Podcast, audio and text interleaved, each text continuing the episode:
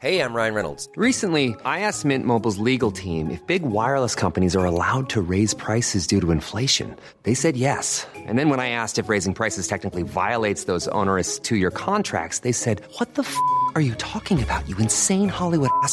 So to recap, we're cutting the price of Mint Unlimited from $30 a month to just $15 a month. Give it a try at mintmobile.com slash switch. $45 upfront for three months plus taxes and fees. Promo for new customers for limited time. Unlimited more than 40 gigabytes per month. Slows. Full terms at mintmobile.com.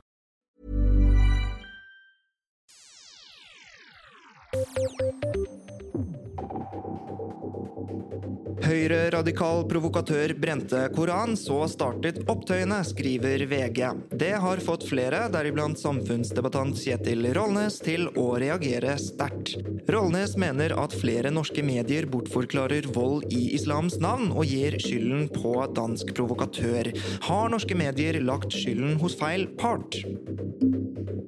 Black Lives Matter-bevegelsen mobiliserte til enormt engasjement sommeren 2020, og den offisielle BLM-organisasjonen Black Lives Matter Global Network Foundation skal ha samlet inn mer enn 90 millioner dollar i løpet av året. Nå er organisasjonen i kraftig motbør etter det ble kjent at ledertrioen har kjøpt en luksuseiendom til over 50 millioner kroner i California. Siden har flere uttalt at de ikke lenger vil støtte organisasjonen. Kan vi fremdeles ha tillit til BLM? Det kontroversielle nettstedet steigan.no har blitt kritisert fra flere hold for gjengivelse av russisk propaganda, blant annet. Nå skaper nettstedet hodebry for partiet Rødt, etter det ble kjent at åtte sentrale Rødt-politikere er medeiere i moderselskapet til steigan.no. Siden har flere, også andre Rødt-politikere, krevd av partiet å rydde opp i egne rekker. Men det er det ikke alle i partiet som vil. Og da er spørsmålet er det lenger stuerent å stemme på partiet Rødt? Du hører på Etikk og estetikk, som er tilbake i sin tredje sesong sterkere enn noensinne. Dette fordi at vi er sponset og presentert av forsikringsappen Hedvig. Og med det så har vi fått nytt studio, nytt utstyr og og det er vi veldig takknemlige for.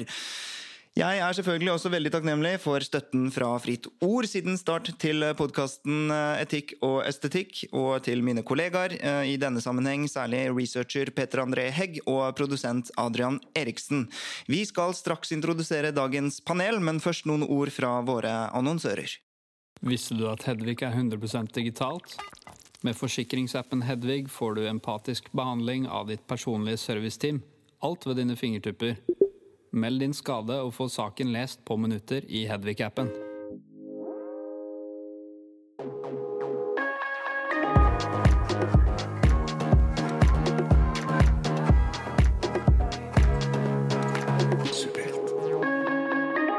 Med meg i studio sitter samfunnsdebattant og forfatter Lisa SOL Knutsen. Tross sin unge alder har hun gjort seg bemerket i spalter og blitt en tydelig stemme på debattarenaer som Dagsnytt 18.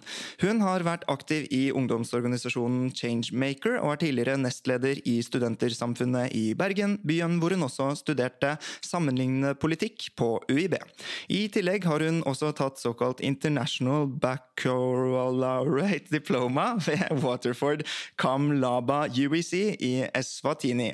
Hun har vært tilknyttet Minotenk siden 2018, da hun var deltaker på Minotenk-skolen. I 2019 ble hun ansatt som rådgiver og jobber spesielt med temaene mangfold, representasjon, rasisme og psykisk helse i Tenketanken. Velkommen til deg, Lisa SOL Knutsen. Tusen takk.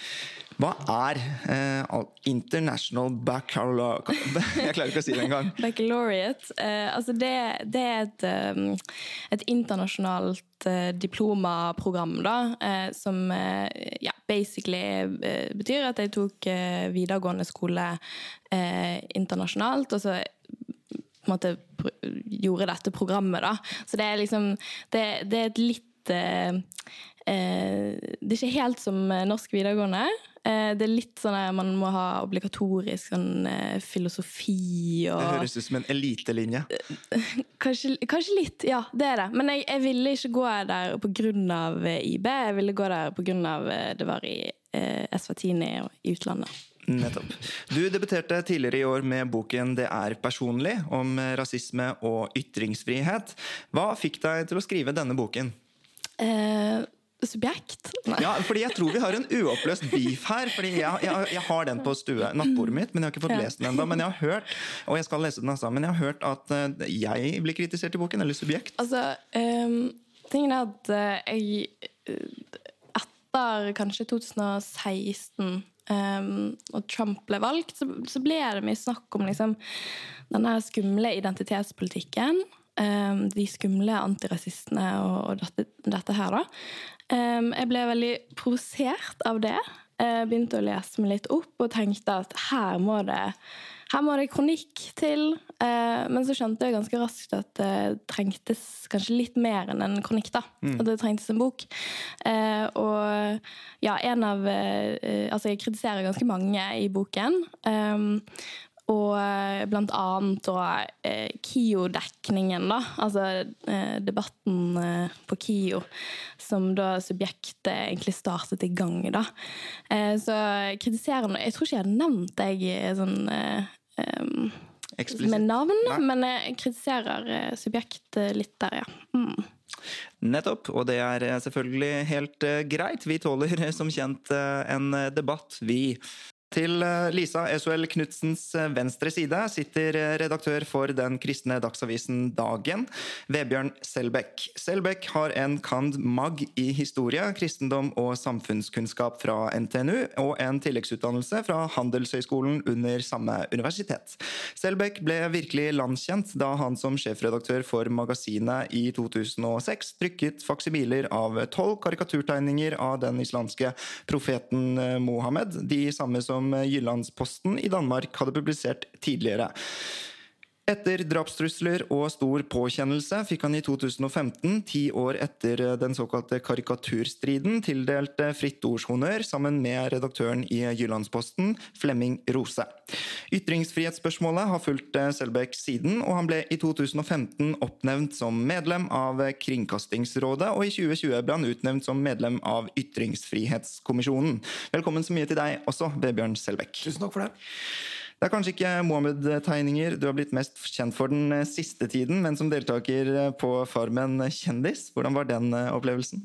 Nei, det var helt fantastisk, da. Det, det var et av uh, mitt livs uh, store eventyr, rett og slett. En uh, dannelsesreise. Og da kan man si at det er kanskje litt seint å ta denne dannelsesreisen når du har passert 50 år, men eh, da sier jeg bedre sent enn aldri, da. Nei, det var, det var kjempe, kjempegøy. Jeg trivdes hvert minutt der inne.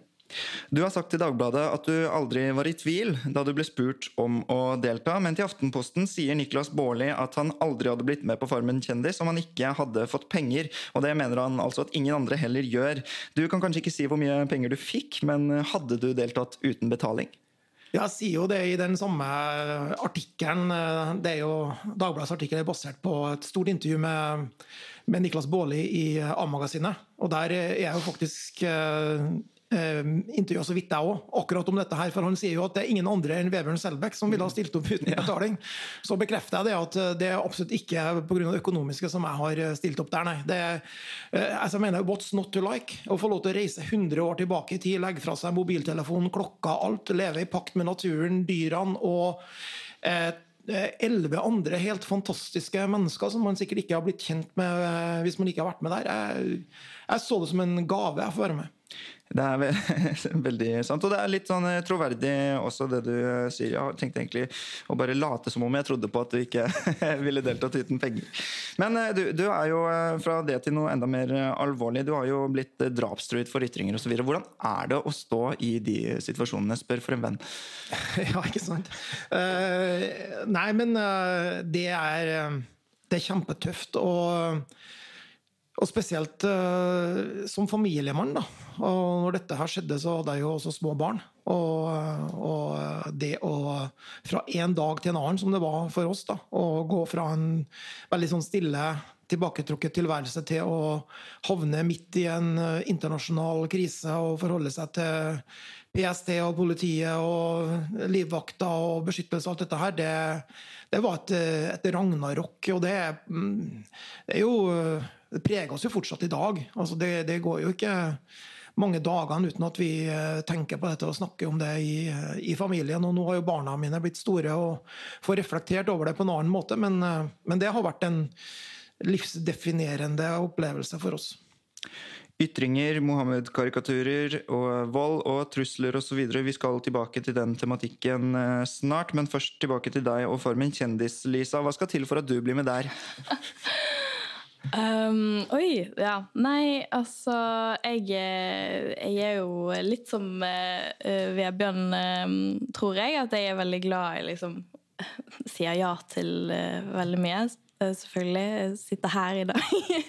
men, men ja, jeg liker å oppleve ting. Så jeg tror ikke det hadde egentlig tatt så veldig mye, skal jeg være helt ærlig. Men jeg er nok ikke kjendis ennå. Eller ennå. Vi får se. Nettopp. Og med det så kan vi gå over til dagens første tema. Jeg heter Sofie Elise, og du hører på Etikk og estetikk, en podkast fra Subjekt.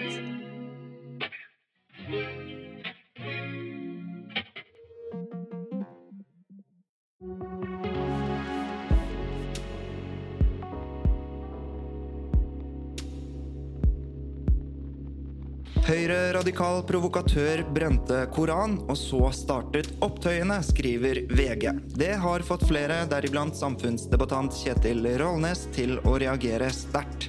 Rollnes mener at flere norske medier bortforklarer vold i islams navn, og at de gir skylden på den danske provokatøren. Har norske medier lagt skylden hos feil part, Lisa Esuel Knutsen? Uh, mener uh, nei. Og Vebjørn Selbekk? Ja. Hvorfor sier du nei, Lisa, eh, når det tross alt eh, var en fredelig demonstrasjon Paludan gjorde? Ja, altså um, Det første jeg tenker man kan, eh, kan snakke om, er jo, er jo det at Paludan er, er Altså, han forfekter yt altså, forfekter holdninger som, uh, som, eh, kan sies å, å, oppfordre til, eh, til folkemord. Så, så eh, han er absolutt ikke en fredelig person. Eh, han drar jo bevisst steder for å skape kaos. Eh, men det er nå én ting. den andre siden av dette handler jo om at jeg mener jo ikke at at uh, liksom Det er ingenting som kan forsvare den volden som vi har sett Eh, altså man har brent eh, biler, busser, eh, offentlige bygg. Eh, det er ingenting som kan forsvare det. Eh, men jeg mener jo at eh, det har kommet fram de siste dagene, og svensk politi har også kommet ut og sagt at de mener at det er kriminelle gjenger som i hovedsak driver med den voldsomme volden. Sånn at jeg tenker at det er flere eh, nyanser i denne saken som har kommet opp i etterkant. Eh, og derfor mener jeg at eh, man absolutt ikke kan si at islam er liksom den største eh, Største på en måte Ja, største grunnen til at dette har skjedd. Eh, jeg mener jo at, eh, og jeg tror på det som svensk politi sier, at eh, dette her er kriminelle gjenger som utnytter um, koranbrenning og, og provoka, provokasjon for å gjøre um, ja, for å gjøre disse tingene, da. Har hun ikke et poeng, Vebjørn Selbekk? Han er jo utrolig provoserende da, og velger jo disse stedene for å nettopp lage litt helvete. Ja da, og, og jeg vil gå enda lenger. Eh, Rasmus Paludan han er jo vil si han er en rasist. Han er jo også dømt for å ha hatt eh, ytringer eh, ved, ved, flere anledninger. Så det er ingen tvil om hva som er hans mål og hensikt. Men det er nå engang sånn at de, vold er en grense. Og det er de som går over den grensa, som er å eh, klandre for den volden som utøves. Det må det aldri være noen eh, tvil om. Og så er det sånn at Ytringsfriheten er ikke bare til for eh, de pene og pyntelige ytringene når vi hyller kongehuset og den til enhver tid sittende regjering. og alt dette her. Den er også til for de krenkende, provoserende, ubehagelige, sjokkerende ytringene. Eh, og, og det Paludan driver med, er, en, er den typen ytringer. Og de skal selv sånne ytringer eh, kan aldri møtes med vold. Og det er ingen andre enn de som brenner, herjer, truer, ødelegger, som, eh, som har ansvaret for det. Og må aldri plassere ansvaret noe annet sted når man velger å gå over den voldsgrensa. Men uh, apropos brenning, det er jo han som uh, også starter med å brenne. Noe som er så hellig. Og så er jo du også dypt religiøs selv. Hva tenker du om uh, det, liksom selve aksjonen? Nei, Jeg, jeg syns det er en uh, barnslig og unødvendig uh, aksjon. Jeg er ikke for å brenne bøker i hele tatt. Jeg mener at det å brenne bøker i seg sjøl er veldig, veldig problematisk. Jeg, jeg, tror på det som den tyske forfatteren Heinrich Heine sa, at uh, der man brenner bøker, vil man til slutt brenne mennesker. Han fikk en jo, fikk en jo rett i, i, i, forhold til sin egen, når det gjelder sin egen nasjon. Så, så det, det, er en, det er en svært problematisk ytring, det. Men Eh, men det er en lovlig ytring og bør eh, fortsette å være en lovlig ytring. Og Derfor er jeg også kritisk til det som har skjedd i Norge eh, her nå nettopp, med at også politiet da går inn og ikke tillater en koranbrenning på, på Stovner. Sånn at selv disse ubehagelige ytringene må man forsvare. og jeg det har jo, som du sier, er en religiøs person. Uh, Otto Jespersen, Komikeren Otto Jespersen tente jo på en bibel tilbake, en god del år tilbake på torget i Ålesund. Det var, det, og det er jo et tankekors, for det ble på en måte sett på som et det var jo humor, en sketsj.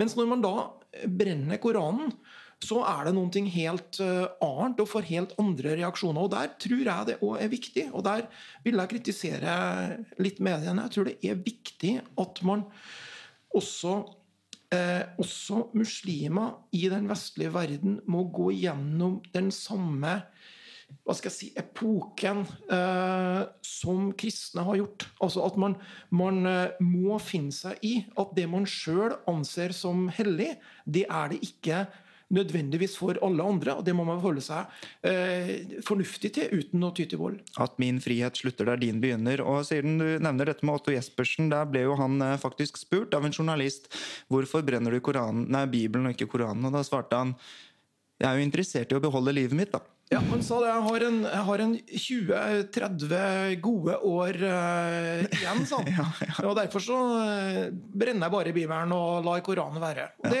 det, er i seg sjøl et stort tankekors. At den ene typen ytringer møtes med skuldertrekk og latter, den andre med vold. It's funny because it's true, som man uh, sier på amerikansk TV. Eller er det ikke det? Er det, er det forskjell på islamsk og kristen reaksjoner, og ser du det, Lisa? Ja, jeg vil jo si at uh, altså uh, Jeg er heller altså fordømmer all vold uh, som kommer i etterkant av, av slike ytringer slash handlinger. Um, men jeg vil si at i Norge så er det en, eh, og i Europa generelt, så er det en vesentlig forskjell. Eh, vi vet at i Norge så er det altså det er utpreget fordommer. Altså man har gjort undersøkelser og spurt folk, befolkningen, om fordommer de har mot muslimer. Og der er jeg lurer på om tallet er oppimot 30% som har utpregede fordommer mot muslimer. Negative. Um, og det tenker jeg også er, er viktig her, at det, det, har noe med at vi som samfunn også må um, ta vare på, på, det fellesskapet. Og, og uh, få folk til å føle seg som at de er en del av det fellesskapet. Uh, for uh, hvis man føler at man møter disse fordommene i sin hverdag, Um, og i tillegg opplever at man får uh, mennesker som, som, blir beskyttet uh, fordi de liksom brenner deres hellige skrifter og, og kaller de, de, de styggeste ting, så tenker jeg at vi da, da, er liksom forholdet der for at folk blir ekstremt krenket. Um, Altså jeg tenker det, det er en liten forskjell der. Og så nevnte du også islam i stad, at vi måtte skille mellom ikke sant, kriminelle gjenger som står for voldelige, de voldelige opptøyene i Sverige, og, og, og, legge dette på muslimer og islam. Men det er jo også sånn at uh, i islam at uh, dette blasfemifenomenet nevnes ofte, da, og at uh, de som begår, såkalt, såkalt begår blasfemi, skal um, Det nevnes steines, og det nevnes at de skal sant, straffes. og ha, blir det ikke for enkelt å late som om ikke dette har noe med islam å gjøre? Altså, eh, Jeg tror jo absolutt at, eh, at sånn som Vebjørn sier, at, at kristendommen og kristne eh, sant, Majoriteten har vært gjennom en prosess. Eh, for der, her også har jo man, eh, man hatt ekstrem liksom Eh, man har vært eh, slått hardt ned på blasfemi. Eh, det, det, må vi være enige om. Men, men, at man har hatt en prosess der man har liksom begynt å, å mildne synet på blasfemi, og ikke reagerer så voldsomt. Og der er jeg helt enig i at man, man kanskje har en sterkere Altså man reagerer sterkere på blasfemi i enkelte konservative muslimer. Så, det, det, er jeg absolutt enig i. Men, men min sånn Når jeg får vond smak i munnen, er jo når man på en måte går inn, uh, går inn i disse sakene med at islam er altså Nesten som, som om liksom, muslimer er noe iboende eh, Altså voldsomme, voldelige, som noen mener. Eh, altså blant annet Sian. Eh, og da går vi inn på et veldig farlig territorium. Eh, og jeg tenker at eh, det er veldig mange aktører i samfunnet som med en gang noe skjer der eh, muslimer eller bare innvandrere er eh, på en måte involvert, så er det med en gang skylde på hvor de kommer fra.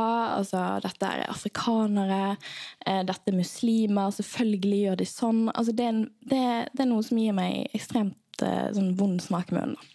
Du har en eh, kommentar til deg, Selbekk? Ja, jeg, jeg, mener jo, jeg, mener jo, det helt motsatte. Altså det å, det å forutsette at eh, også muslimer klarer å forholde seg på en adekvat måte eh, til å, å få troa si, det som de holder for hellig, utfordra. Det er jo det motsatte av rasisme. Det er jo, det er jo, det må, det er jo den forventninga vi har til alle mennesker i et flerkulturelt samfunn, der den enes eh, gudsdyrkelse kan være den andres blasfemi. Sånn er det jo. ikke sant? Vi ulike kulturer, ulike religioner, kommer fra ulike nasjoner. Alt dette.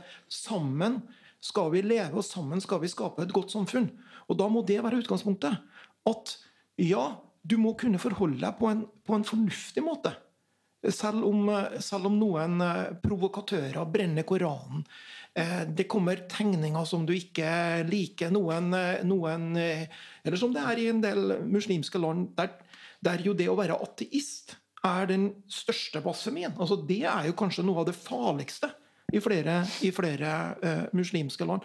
Alt dette her må vi bekjempe. Og så må vi ha en felles holdning om at uh, vi skal, vi skal tåle å få uh, troa vår utfordra. Eh, og det er jeg helt enig i. Vi skal tåle å få troen utfordret. Eh, det, der jeg på en måte er uenig, er jo med tanke på f.eks. Sian. Eh, jeg mener de absolutt ikke driver med, eh, med religionskritikk. Altså dette er snakk om en gruppe som, som har blitt Altså en lederfigur som er blitt dømt, eh, der eh, du får hatefulle ytringer, der Oslo tingrett eh, slår fast at dette her er snakk om grove krenkelser av menneskeverdet.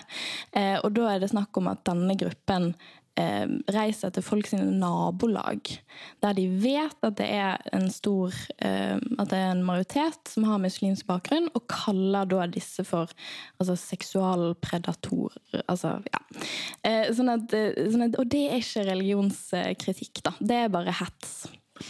Uh, først som sist, men litt uh, sent egentlig, må jo jeg uh, nevne en liten sånn disclaimer om at jeg har jo engasjert meg i flere av disse spørsmålene før, så det er liksom fair å orientere lytterne om. Men jeg skal gjøre mitt beste for å prøve å stille kritiske spørsmål til begge sider her. Og vi, vi har jo skrevet flere artikler om temaet, og vi, vi, spørsmålet som også nevnes her, som vi også har tatt opp, handler om man ikke legger skylden hos feil part da, når man, når man ikke sant, skriver en tittel som handler om at det er den danske provokatøren som kommer hit, og så starter opptøyene. Det ikke, starter det ikke litt for tidlig? Er det ikke opptøyene som begynner opptøyene?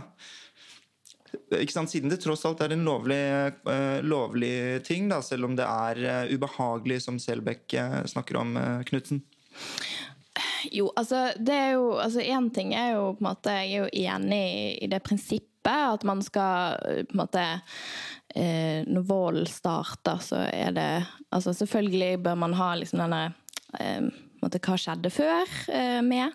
Men, men, så i akkurat denne saken eh, så tenker jeg også at, eh, at, det er snakk om en høyreekstrem eh, mann som, som, er ute etter å provosere og skape fullstendig kaos. Eh, så han skal Altså, jeg, jeg mener det, det er absolutt eh, interessant eh, å ha det med i overskriften. Eh, og så er det selvfølgelig eh, de som altså starter vold, de som eskalerer, som også skal, skal ta skyld. Og så er det jo da sånn, eh, Selbekk, at eh, etter Paludans provokasjoner, og etter det som har skjedd i Sverige nå, så skal også Sian tror jeg fortsatt holde en demonstrasjon på Stovner førstkommende fredag. Eh, og så har de søkt om å få ha en eh, koranbrenningssesjon. Eh, som de da har fått nei fra politiet til å gjøre. Riktignok, de har fått nei til å gjøre det foran Stovner politistasjon. Hva tenker du om det? Nei, jeg er kritisk til det. Og, og spesielt uh, til timinga, som nå kommer altså rett etter de svenske opptøyene. Og det virker kan tolkes som en, en, type knefall for dette her. At uh, oi, nå se hva som har skjedd i Sverige, dette kan vi ikke ha i Norge. Og hva er løsninga på det? Jo, det er å ikke tillate dem å holde denne markeringa. Og så kan man si det at Eh, ja, men det blir så store kostnader, det er, man du må ha svært politioppbud, og er det verdt dette og alt det her? Og Det er klart, det spørsmålet kan man selvfølgelig stille, men, men nå er det sånn at ytringsfriheten koster noen ting. Det, det gjør det, og det, det, det bør det òg gjøre, fordi at det er en så sentral menneskerettighet. Og Derfor mener jeg at, eh, at, dette kunne ha vært løst på en annen måte. Det kunne ha vært satt på nok ressurser og sikra eh, at man også får holde denne typen demonstrasjon. Og så er det jo Problemet her er jo at man, man går i fella. Altså, man går i Paludans felle, og man går i Sian sin felle ved å demonstrere og lage bråk og spetakkel og leven.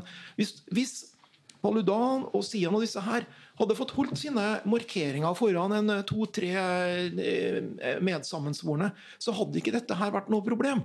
Sånn at her, her forstår jeg eh, ikke hvorfor de antirasistiske miljøene også spiller på lag med dem og på en måte skape det kaoset. For jeg er enig med, med Lisa i her at målet er å skape kaos. Og hvis målet er det, da må jo ikke den antirasistiske bevegelsen stille opp på de premissene. Så det er bedre å ignorere, mener du? Men du nevner, du nevner, også ytringsfrihet og menneskerettigheter osv. Men er det ytringsfrihet, eller for å si det riktigere, er det et brudd på ytringsfriheten å ikke få lov til å demonstrere på akkurat Stovner politistasjon? Ja, jeg, jeg, ser at det, at det, kan være sånne eh, type politifaglige vurderinger rundt uh, hva skal jeg si, eh, utrykningsetater og sånne ting. Jeg, Sikkerhet. Jeg, jeg, hører, jeg hører og, og, ser at de nevner det, men, men uh, allikevel, jeg sitter med en sånn inntrykk av at det må vi kunne klare å løse. Og vi må kunne klare det som svenskene ikke klarte, nemlig å holde lov og orden. Det handler om, eh, om å sette på nok ressurser og sikre eh, at også provokatører har ytringsfrihet. For det har de også. Og vi har ikke Vi har ikke forhåndssensur i Norge. Vi har et grunnlovsforbud mot forhåndssensur. Så selv om det skulle komme rasistiske ytringer, så må det straffes i etterkant. Man kan ikke eh, forby det i forkant. Men hva hvis han i forkant er dømt to ganger? Jo, men uansett. Det er ikke sånn at fordi om du er straffedømt, så gjelder ikke eh, Grunnloven for deg. Den gjelder for deg òg. Nettopp. Eh, hva tenker du om det, da? De, er du glad for at eh, de ikke får holde demonstrasjon på Stovner? Og ikke bare på Stovner politistasjon, men ved siden av Stovner moské? Ja, altså Jeg tenker jo Det er jo Altså Jeg, jeg, jeg syns at politiet har eh, helt, eh, helt eh, rett, og, og ja, de har rett i å ta den avgjørelsen om at her ser vi at det er stor sjanse for liksom, ja, ro og orden og, og dette her. Og det, jeg tenker, For samfunnet som, altså, som en helhet da, så er det så utrolig viktig at vi faktisk snakker mye mer om Sian og det de forfekter. Eh, fordi det er veldig Jeg tror det er enkelt for oss å si at ja, men folk må bare ignorere de.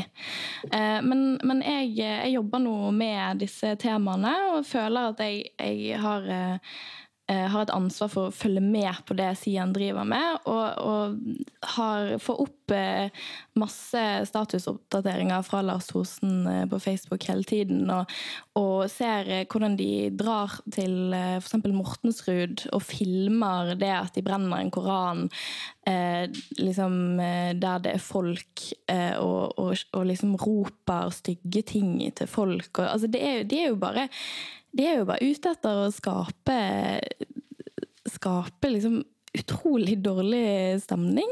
Eh, og jeg tenker, hvorfor snakker ikke vi mer om liksom Ja, hvorfor, hvorfor liksom snakker ikke om at det er helt ulegitimt? Det vil vi ikke ha i et samfunn. Altså, det er absolutt noen som misbruker ytringsfriheten. Jeg tenker Det er mye bra som kommer ut av ytringsfriheten. Eh, men akkurat det Sian eh, driver med, er det er bare misbruk, rett og slett. Og med de ord så går vi over på neste tema. Vil du og din institusjon være synlig der hvor publikum leter etter hva som gjelder akkurat nå? Nå kan denne reklameplassen bli din. Ta kontakt med annonse at subjekt.no, eller ring 02469 for en uforpliktende prat om hvordan du kan nå ut til et kulturkonsumerende og opinionspåvirkende publikum.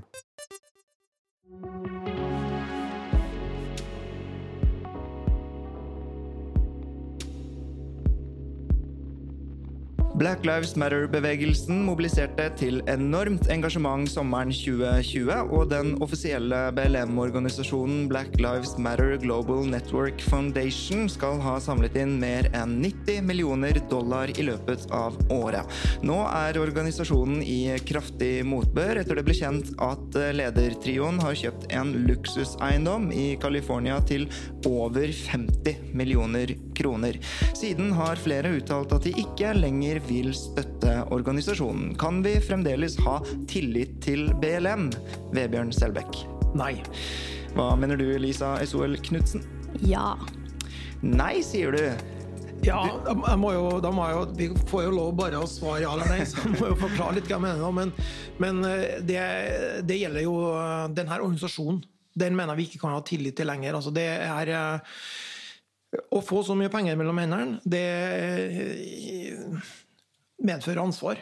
Og det ansvaret har man ikke tatt. Jeg syns det er ganske shady ting som har kommet fram. Og det er jo ikke bare at man har kjøpt denne eh, eiendommen, men man har jo også hatt en type transaksjon der noen venner har vært eh, involvert i noe resalg og sånne ting. Så her, eh, her er det ja, mye som ikke, på, som ikke, henger på greip, rett og slett. Nettopp. Det var altså en eiendomsmeglervenn av BLM-trioen som kjøpte boligen til takst og prisantydning.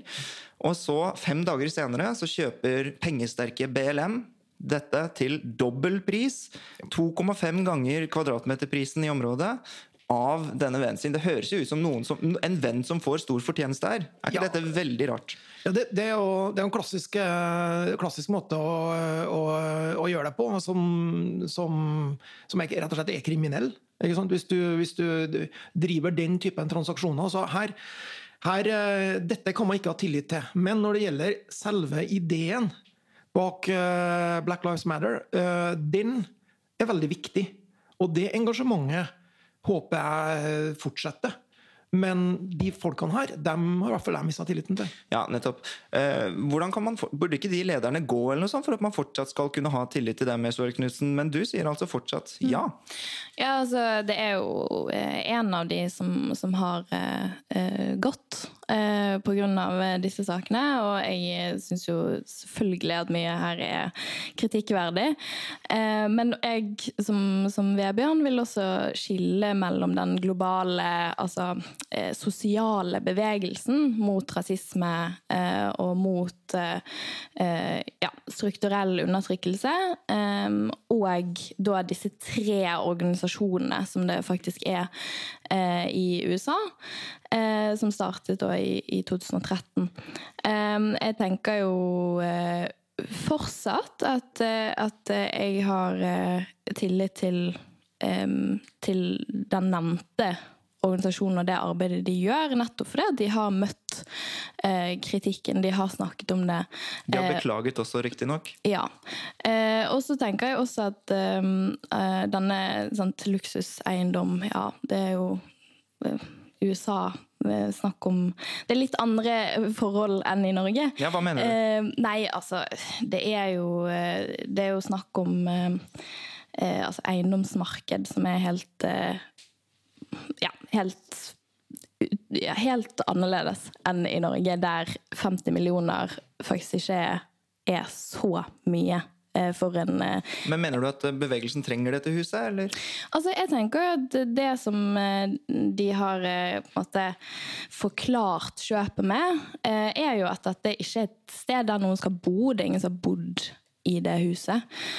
Men det er et sted der man kan organisere, der man kan skape eh, skape innhold, der man kan jobbe osv.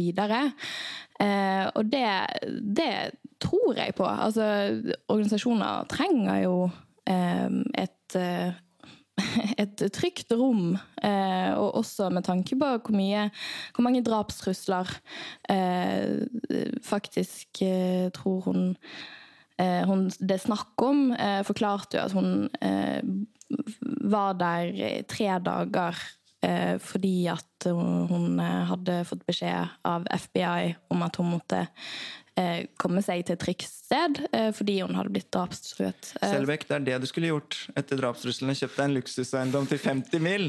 Ja, jeg dro, jeg dro til dro eh, til mor mor mi oppe i Nord-Trøndelag, og det huset er vel knapt verdt en million. Så, eh, så Det er veldig norskt. Dette her er veldig amerikansk. men, men eh, Ja da, men, men, eh, men eh, jeg syns ikke den forklaringa holder helt. fordi at eh, ja, klart eh, sikkerhet og de tingene der, hvorfor skal de kjøpe det for flere ganger eh, verdien eh, som er i området? Hvorfor skulle man involvere denne her eh, vennen som jo har eh, som har hatt en direktelinje inn i det fem, og så er det fem hus.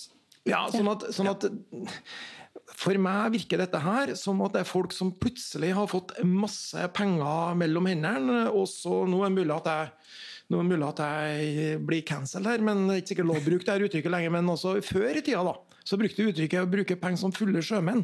Det, det, det er litt sånn Cancelled. Det er heller ikke lov. Så, nei, det er heller ikke lov. Nei, nei, men jeg hadde en liten disclaimer på forhånd. da. Så, Ja, ja, så, men, men ikke sant? man får masse penger mellom hendene, har ikke masse penger, så får man masse, og så er det vi, vi, her, det er gøy, og nå kan vi øh, inn på, på boligmarkedet her, og så har vi en kompis her, så han trenger, øh, han trenger litt mer penger, og han har i, i trøbbel.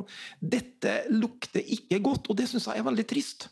Fordi at denne ideen eh, og, dette engasjementet, og spesielt det som kom etter etter politidrapet på George Floyd og alt dette her, det er kjempeviktig. Eh, Politivolden, systematiske politivolden som har vært mot svarte i USA, alt dette her, kjempeviktig at vi, eh, at vi kjemper mot å, å bevare det engasjementet. Og, og sant, den her, hvordan denne ideen spredde seg over hele verden, fikk der, det syns jeg var vakkert. Uh, og så er det, så, så la, la ikke disse enkeltpersonene her, som har etter min mening misbrukt den rollen de har fått. La ikke det ødelegge for, for selve ideen og engasjementet. Men det er jo riktignok snakk om altså, verdens eh, største svarte rettighetsorganisasjon. Og de har plutselig fått masse penger. Kan ikke de bruke penger litt som fulle sjømenn? Altså, altså, eh, nå snakker vi om en gigantisk stiftelse. Gjerne, hvorfor kan ikke den være rik? Og hvorfor kan ikke de ha representasjonsboliger som er, koster 50 mil? Jo, men det må de gjerne gjøre. Fritt ord har jo det, f.eks. Jo da, og jeg er mm, jeg er veldig for investering i eiendommer, men det er ikke det vi snakker om her. Her snakker vi om at man også har, har eh, kjørt en, en scam for å, for å uh, gjøre en venn rik. Så, sånn kan man ikke holde på. Skam. Ja, altså, ja, for der, her er det to ulike saker. Sant? Det ene er jo på en måte den nylige som har kommet fram at med, med denne eiendommen til 50 mill. Eh, en annen sak er jo den altså, som faktisk er helt enig, er skam og er utrolig Ja, det, det, det kan ikke man, eh, man uh, ha tillit til, og derfor gikk hun også. Eh, men um, Eh, nå mister jeg litt eh, tråden her. Um, det går bra. Vi, vi, liksom, men vi snakker altså om BLM-GNF, så, eh, og vi klarer også å skille mellom både bevegelsen, som er helt legitim og betimelig, eh, kanskje minus luting og så videre, eh, og så har man den andre, som er organisasjonen. Og så ja, eller de tre organisasjonene. Ja. For det, det er også lokale Eh, altså, jeg mener det er tre forskjellige, eh, og den eh, Global Network er, er en av de. Eh, så det er også to andre som, som er mer eh, lokale, som gjør ting lokalt. Og der mener jeg også at de har gjort mye bra eh, for å organisere og for å beskytte for å beskytte ofre for f.eks. politivold. Så jeg tenker jo at for meg så, så syns jeg at mye av dette er veldig kritikkverdig. Men så lenge de er åpne for den kritikken og, og åpne for å, å endre, endre, seg og bli bedre, så tenker jeg at, at vi skal ha tillit til dem. For vi må også tenke på hvor utrolig eh, viktig eh, denne organisasjonen var når den startet opp i 2013, eh, og alt det som, arbeidet som har blitt gjort etter det. Ja, men tenk på alle de eh, som også har engasjert seg, donert penger osv. Liksom, det, det er jo en konflikt innad i dette. Så liksom, hvordan løser man det, da, eh, Vebjørn Selbekk? Eh, de lover bot og bedring. Hva er egentlig en eh, passende bot og, og bedring? Nei, men Det må jo rulle noen hoder, og det har det jo, det har det gjort. ikke sant? Og, og, og, de som har vært involvert i i det som, som, har vært både i beste fall shady og i verste fall kriminelt, dem må jo, kan man jo ikke ha tillit til. De må gå av. Det må ryddes opp.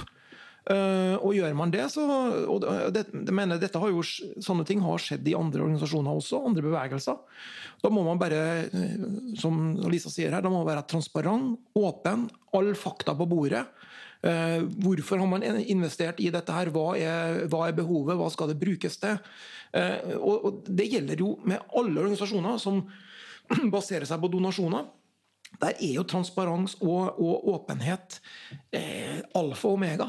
For uten det så mister du tilliten, og da, da eh, stopper pengeflyten inn i organisasjonen også. Så, så det er, dette er ikke noe hokus pokus. Dette, dette har, har, har skjedd mange ganger, og løsningen er helt åpenbar.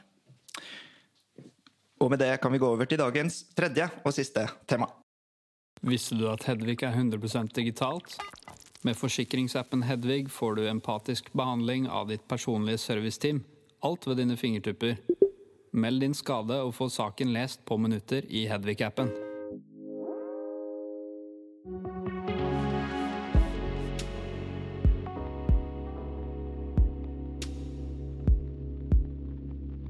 Det kontroversielle nettstedet steigan.no har blitt kritisert fra flere hold for gjengivelse av russisk krigspropaganda, blant annet. Nå skaper nettstedet hodebry for partiet Rødt, etter det ble kjent at åtte sentrale Rødt-politikere er medeiere i moderselskapet til steigan.no mot Dag AS. Siden har flere, også andre Rødt-politikere, krevd av partiet å rydde opp i egne rekker, men det er det ikke alle som vil. I partiet er det uenighet om hvorvidt tillitsvalgte i Rødt nå eh, bør kunne ha tilknytning til steigan.no. Spørsmålet er er det lenger stuerent å stemme på partiet Rødt, Esuel Knutsen? Ja, men. Og eh, hva mener du, Vebjørn Selbekk? Da får jeg si nei, men. Nei, eh, Har det noen gang vært, mener du, stuerent å stemme på Rødt, ved Vebjørn Selbekk? Altså, Rødt er vel det partiet i norske partifloraen som jeg har eh, størst problemer med. Og det er rett og slett fordi eh, det er et marxistisk parti. Man har fortsatt marxisme i eh, programmet sitt. Eh, Og for meg er det noe egentlig dypt personlig. For mora mi eh, ble født i et marxistisk land, i DDR, Øst-Tyskland, og flykta derfra som, som lita jente. Sånn at jeg, jeg reagerer instinktivt mot alt som som er kommunisme, og, det, og, her fremstiller man seg sjøl også som kommunister. Så det, det problemet har jeg med, med, med Rødt, uavhengig av av steigan.no-problematikken, som jeg syns for øvrig er en veldig interessant eh, sak, og, og som også sier mye om dette partiets eh, fortid, problematiske fortid. Ja, og det er ikke alle som helt skjønner det. Man tenker jo om Rødt at dette er et parti som vil ta fra de rike og eh, gi til de eh, fattige osv. Men hva- hvordan har det endt opp slik at åtte sentrale Rødt-medlemmer altså støtter og liker og eier Steigan? Men Pål Steigan er jo tidligere leder i AKP ML, forløperen til, eh, til partiet Rødt, også i Rød valgallianse. Dette er jo partiet som har skifta navn og, og ommøblert og rydda, og delvis i hvert fall, eh, opp gjennom historien, men har jo et, et, et sterkt totalitært utgangspunkt. Det må man være klar over. Man, man, man kommer fra et, fra et eh, meget eh, strengt, eh, egentlig diktatorisk utgangspunkt. Og, og så har man da gått, gått videre og blitt et demokratisk og, og stort stortingsparti nå. Sånn at her har det jo skjedd mye. Men, men, men jeg, grunnen til at jeg syns det med Steigan er så interessant, er jo nettopp at han er jo en bro tilbake i, litt i den totalitære eh, fortida. Og, og eh, jeg syns jo at vi ser nå et ekko av AKP ML gjennom steigan.no.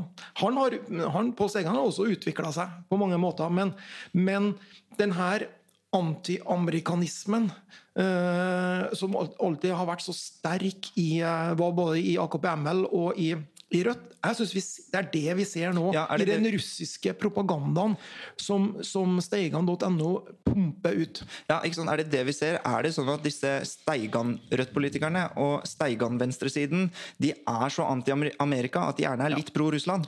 Ja, eh, sånn tolker jeg det. Og, og eh, man er så sterkt imot eh, Nato. Dette har man med seg. Det sitter i ryggmargen. Amerikanerne er imperialister, imperialister per definisjon eh, onde. Og da er på en måte deres eh, fiender våre eh, venner. Og litt det syns jeg nå vi ser i, eh, i Steigan.no. Det- Og det er interessant at det da fortsatt i dag, selv om eh, Rødt er et stortingsparti, stuerent, eh, har en veldig dyktig partileder i Bjørnar Moxnes, så er dette fortsatt et, eh, et aspekt også for mange eh, folkevalgte i Rødt som syns at det her er eh, tanker som, eh, som vi må støtte opp på, også økonomisk og gjennom Motdag og, og eierskapet i, i, i steigan.no. Og dette er noe som ikke snakkes så veldig mye om, og så er det jo blitt snakket veldig mye om fake news og alternative medier osv., men det er alltid liksom høyresiden som de har koblinger til, da, og så avdekkes dette.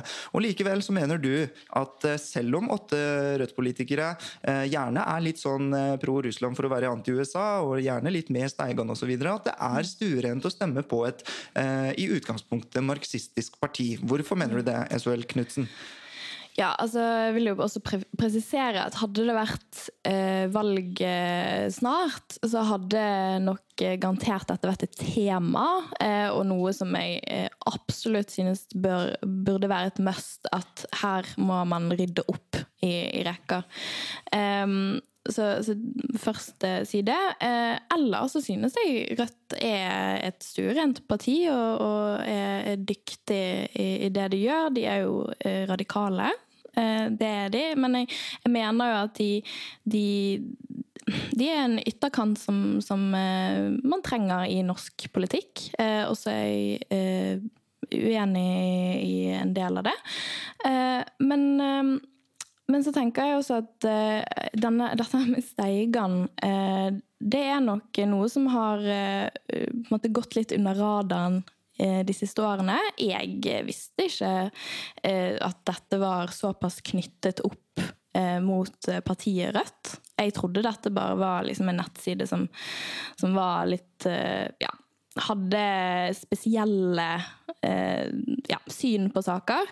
Eh, og så samtidig så, så, er jo jeg litt yngre enn en Vebjørn og har ikke den, den samme liksom en måte Det samme forholdet til Rødt som en del som er litt eldre, har. Jeg har vokst opp med et Rødt som, som i stor grad har tatt liksom avstand fra den kommunistiske eh, fortiden. Eh, men jeg forstår også eh, Vebjørn når han sier at han, han har det personlige bakteppet og den historien med seg. Og, det, og det, det, den ser jeg absolutt. Um, så, så, jeg tenker at, uh, at Rødt bør gjøre det som uh, f.eks. Siv Jensen gjorde i F Frp. Sa at uh, hvis du er medlem i Sian, så da er det null sjanse for å, å liksom ha verv her. Det er absolutt uakseptabelt. Jeg syns at Rødt skal gjøre det samme, og det virker som at, som at det er stor støtte eh, stor støtte blant eh, medlemmene også. Ja, eh, det var egentlig et eh, forbilledlig eksempel, og hun har jo rett, syns jeg, Selbekk det er jo en stor Og det altså det er, jo litt sånn i partiet Rødt nå. Det, Evenrus eh, sa til eh, Dagbladet at faen så flaut, nå må vi ta et eh, oppgjør med Steigan. Og, og, og enda mer sentrale Rødt-politikere tar jo avstand. Holder ikke det? Jo, men Hvis vi snakker litt mer sånn grunnleggende om, eh, om Rødt og, og, oppgjør og sånne ting altså, Mulig de tar et oppgjør med, med Pål Steiga, men de har jo ikke tatt et grundig oppgjør med Karl Marx. ikke sant? Man har jo ikke tatt et, et oppgjør med denne typen totalitært tankegods. Man klarer ikke, selv i, på 2020-tallet, å få Karl Marx ut av eh, programmet sitt. Han står der fortsatt. Og, og det er på, på, en måte for meg et sånt, litt sånn grunnleggende problem. og Derfor så, så syns jeg jo jeg synes jo at den her jeg er, mer, jeg er mer fascinert enn opprørt over denne saken.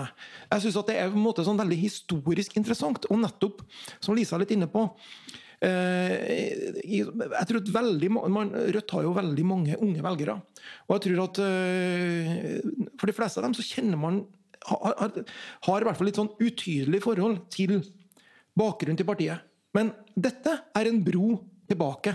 Og vise at uh, tilbake til den totalitære fortida. Derfor så, så syns jeg at det her er egentlig en kjempespennende debatt. Jeg, jeg, tenker egentlig sånn La oss sette på litt sånn popkorn til popping, og så, og så følge med på hvordan det her går. Jeg syns også dette er veldig fascinerende. Også fordi at man, det, det, endelig så er det litt sånn um, Eller det er spennende dramaturgisk fordi at Document og Resett sånn, snakkes om hele tida. Og så vises denne hesteskoeffekten. da, ja. at, man, at, de er um, um, Venstreradikale og høyreradikale er likere enn de tror.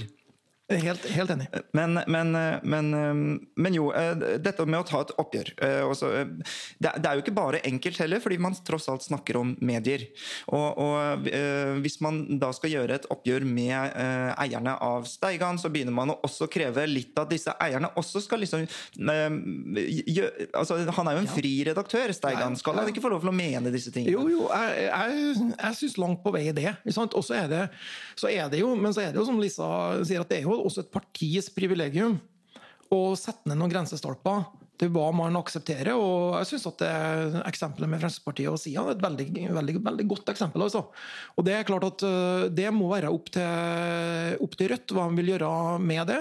Og så må det være opp til Steigan hva han vil skrive på, på sitt uh, nettsted. Mm. Men nå er det krig i Ukraina, mm. SHL Knutsen. Og, eh, og, så er det jo mange som vil mene at eh, det siste vi da trenger, er den feilinformasjonen, den mm. propagandaen. Og så har man liksom et parti hvor, eh, hvor du da gir stemme eh, jeg sier ikke at du gjør det nødvendigvis, men ved, ved å kalle det rett for stuerent, til folk som mener dette? Ja, nei, jeg er jo helt uh, Syns, jeg syns det, det, er skremmende med all, all misinformasjon og direkte propagandaen som er ute på nett om dagen. Uh, jeg tenker det, det det er et kjempeproblem. Eh, og så syns jeg at eh, når det kommer til å, å si at eh, liksom, det er stuerent og, å, stemme på, på Rødt, så, så, mener jeg at dette er noe som, som kommer til å bli tatt tak i, og som blir tatt tak i nå. Eh, og derfor mener jeg det. Eh, og, og, selvfølgelig, hvis det skulle vise seg å, å ikke bli tatt tak i, så, så, kommer jeg nok til å endre mening der. Eh, men, men det, dette er også interessant, fordi at eh, vi, vi snakker mye om ytringsfrihet, eh, som, som, du nevnte i sted. Sånn, dette her er også ytringer. Eh, men vi ser veldig tydelig at sånn, dette her er, det er skadelig for samfunnet eh, å spre misinformasjon. Mis, eh, eh, akkurat som at det er skadelig for samfunnet med hets mot eh, folkegrupper eh, osv. Så, videre. så Så dette er jo også Det handler jo om de sosiale sanksjonene vi driver med.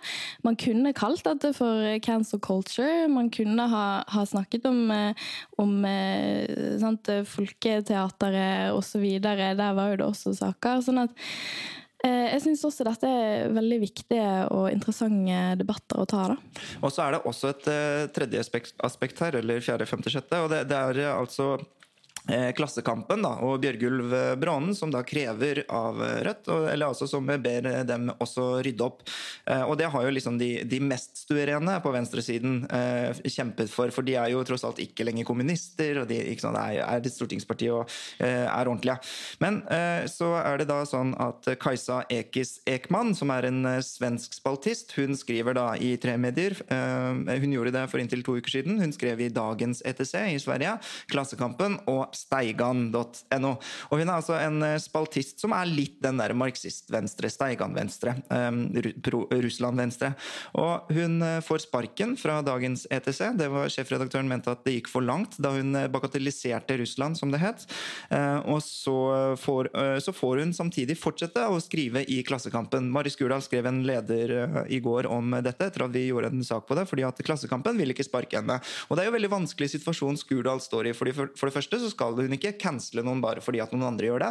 Skal ikke cancele noen bare fordi at hun har ytret seg, det er jo tross alt jobben hennes. Eh, men samtidig så mener hennes nærmeste kollega politisk redaktør Bjørg Ulv Brånen at eh, nå må vi ta et oppgjør med dette. Så Vi skal ta oppgjør med uh, Russland Venstre, samtidig som vi ikke skal kvitte oss med Russland Venstre-spaltistene våre. Hva er løsningen? Nei, men Jeg er jo generelt veldig skeptisk til, til kansellering. Og også i dette tilfellet. Jeg mener at eh, det må være rom også for de som har eh, svært eh, hva skal jeg si, avvikende syn på konflikten på, på, på Russland på den globale verdensordenen, på alt dette her. Det må være plass for dem òg. Jeg syns det er et kvalitetstegn ved Klassekampen. At man også tillater den bredden i stemma. Så jeg syns at de gjør, eh, som Mari Skurdal gjør helt eh, rett eh, i det. Og støtter den, den avgjørelsen. Så er det jo, som du var litt inne på, som er et veldig interessant fenomen, da, at hvordan ytterkantene egentlig møtes. fordi at når det gjelder synet på Russland, da, så har det jo vært på ytterste venstre og ytterste høyre at det har eh, eksistert Russland-støtte her i Norge. Du, det, og nå har den eh, høyrestøtta til det er, eh, har fått store problemer. Og, og det, det, begynner å bli vanskelig på venstresida også pga. denne krigføringa. Men, men, selvfølgelig det, det er en enhetlig en veldig sånn enhetlig stemme i Norge når det gjelder uh, synet på, på, Russland. Og da, da, trenger vi også dem som har et, uh, et, alternativt syn. Så får man møte det med, med motargumenter og ikke kansellering. Mm. Ja, altså det er, jo, det er jo Alt dette kommer ned til liksom hvor går grensen. Det, det er det alt handler om. For grensen eh, går et sted for alle. Eh, for alle eh, redaksjoner, for alle mennesker. Eh, jeg tror, jeg tror ikke det er mulig å være eh, 100 eh, liksom fundamentalist når det kommer til ytringsfriheten. Og det, det, er heller ikke sånn samfunnet fungerer. Og akkurat nå så er vi Det er krig. Og nå er det liksom der grensen går for veldig mange. Det er ikke det for, for Klassekampen, men det er jo interessant å, å tenke liksom Hva hadde skjedd hvis ikke den Eh, det, altså, grensen hadde gått der for eh, det svenske magasinet. Eh, hvis hun hadde fått fortsette. Og, og, kan det tenke seg at hun nå endrer meninger? At hun nå skriver om noe annet fordi at hun har fått sparken pga.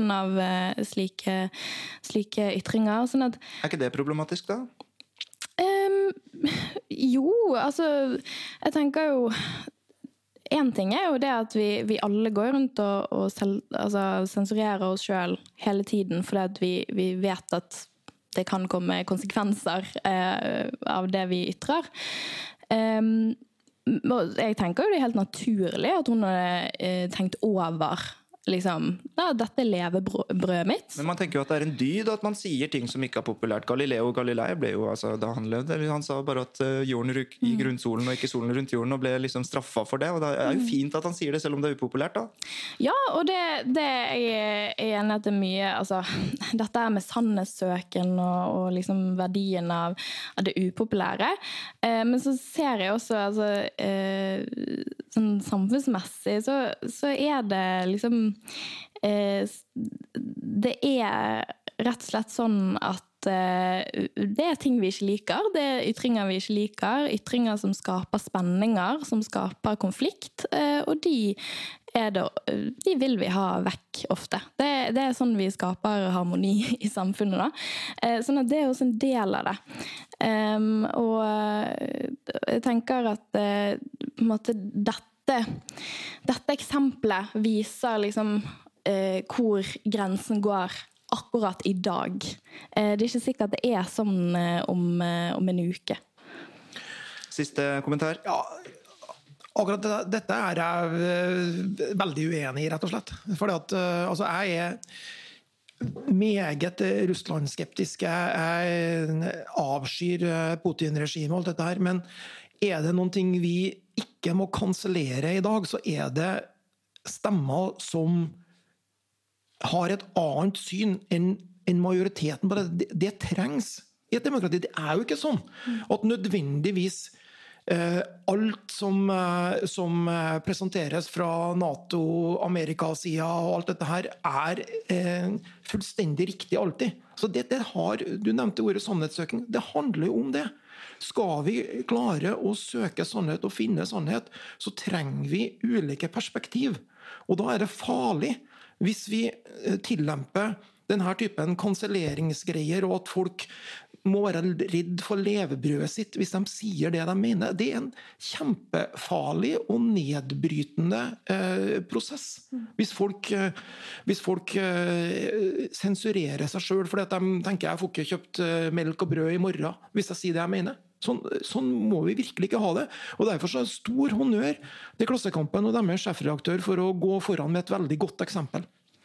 Men det er også, tenker jeg, veldig viktig eh, å, å, tenke over altså bare, bare kildekritikk. Altså kilde eh, Skal jeg gå ut med denne informasjonen som kommer fra en ganske tydelig propagandakilde?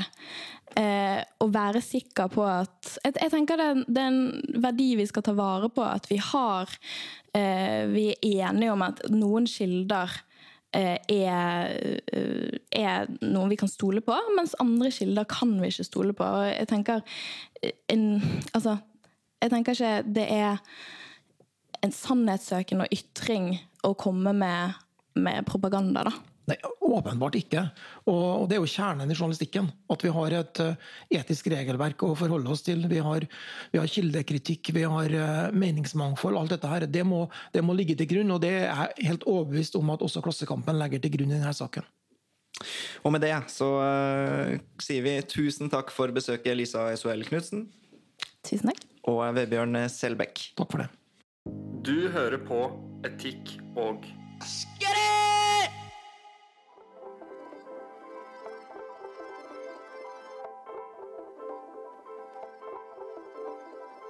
I tillegg til eh, våre gjester, tusen takk til forsikringsappen Hedvig for å presentere podkasten Etikk og estetikk, og til eh, stiftelsen Fritt Ord, som har eh, muliggjort denne podkasten.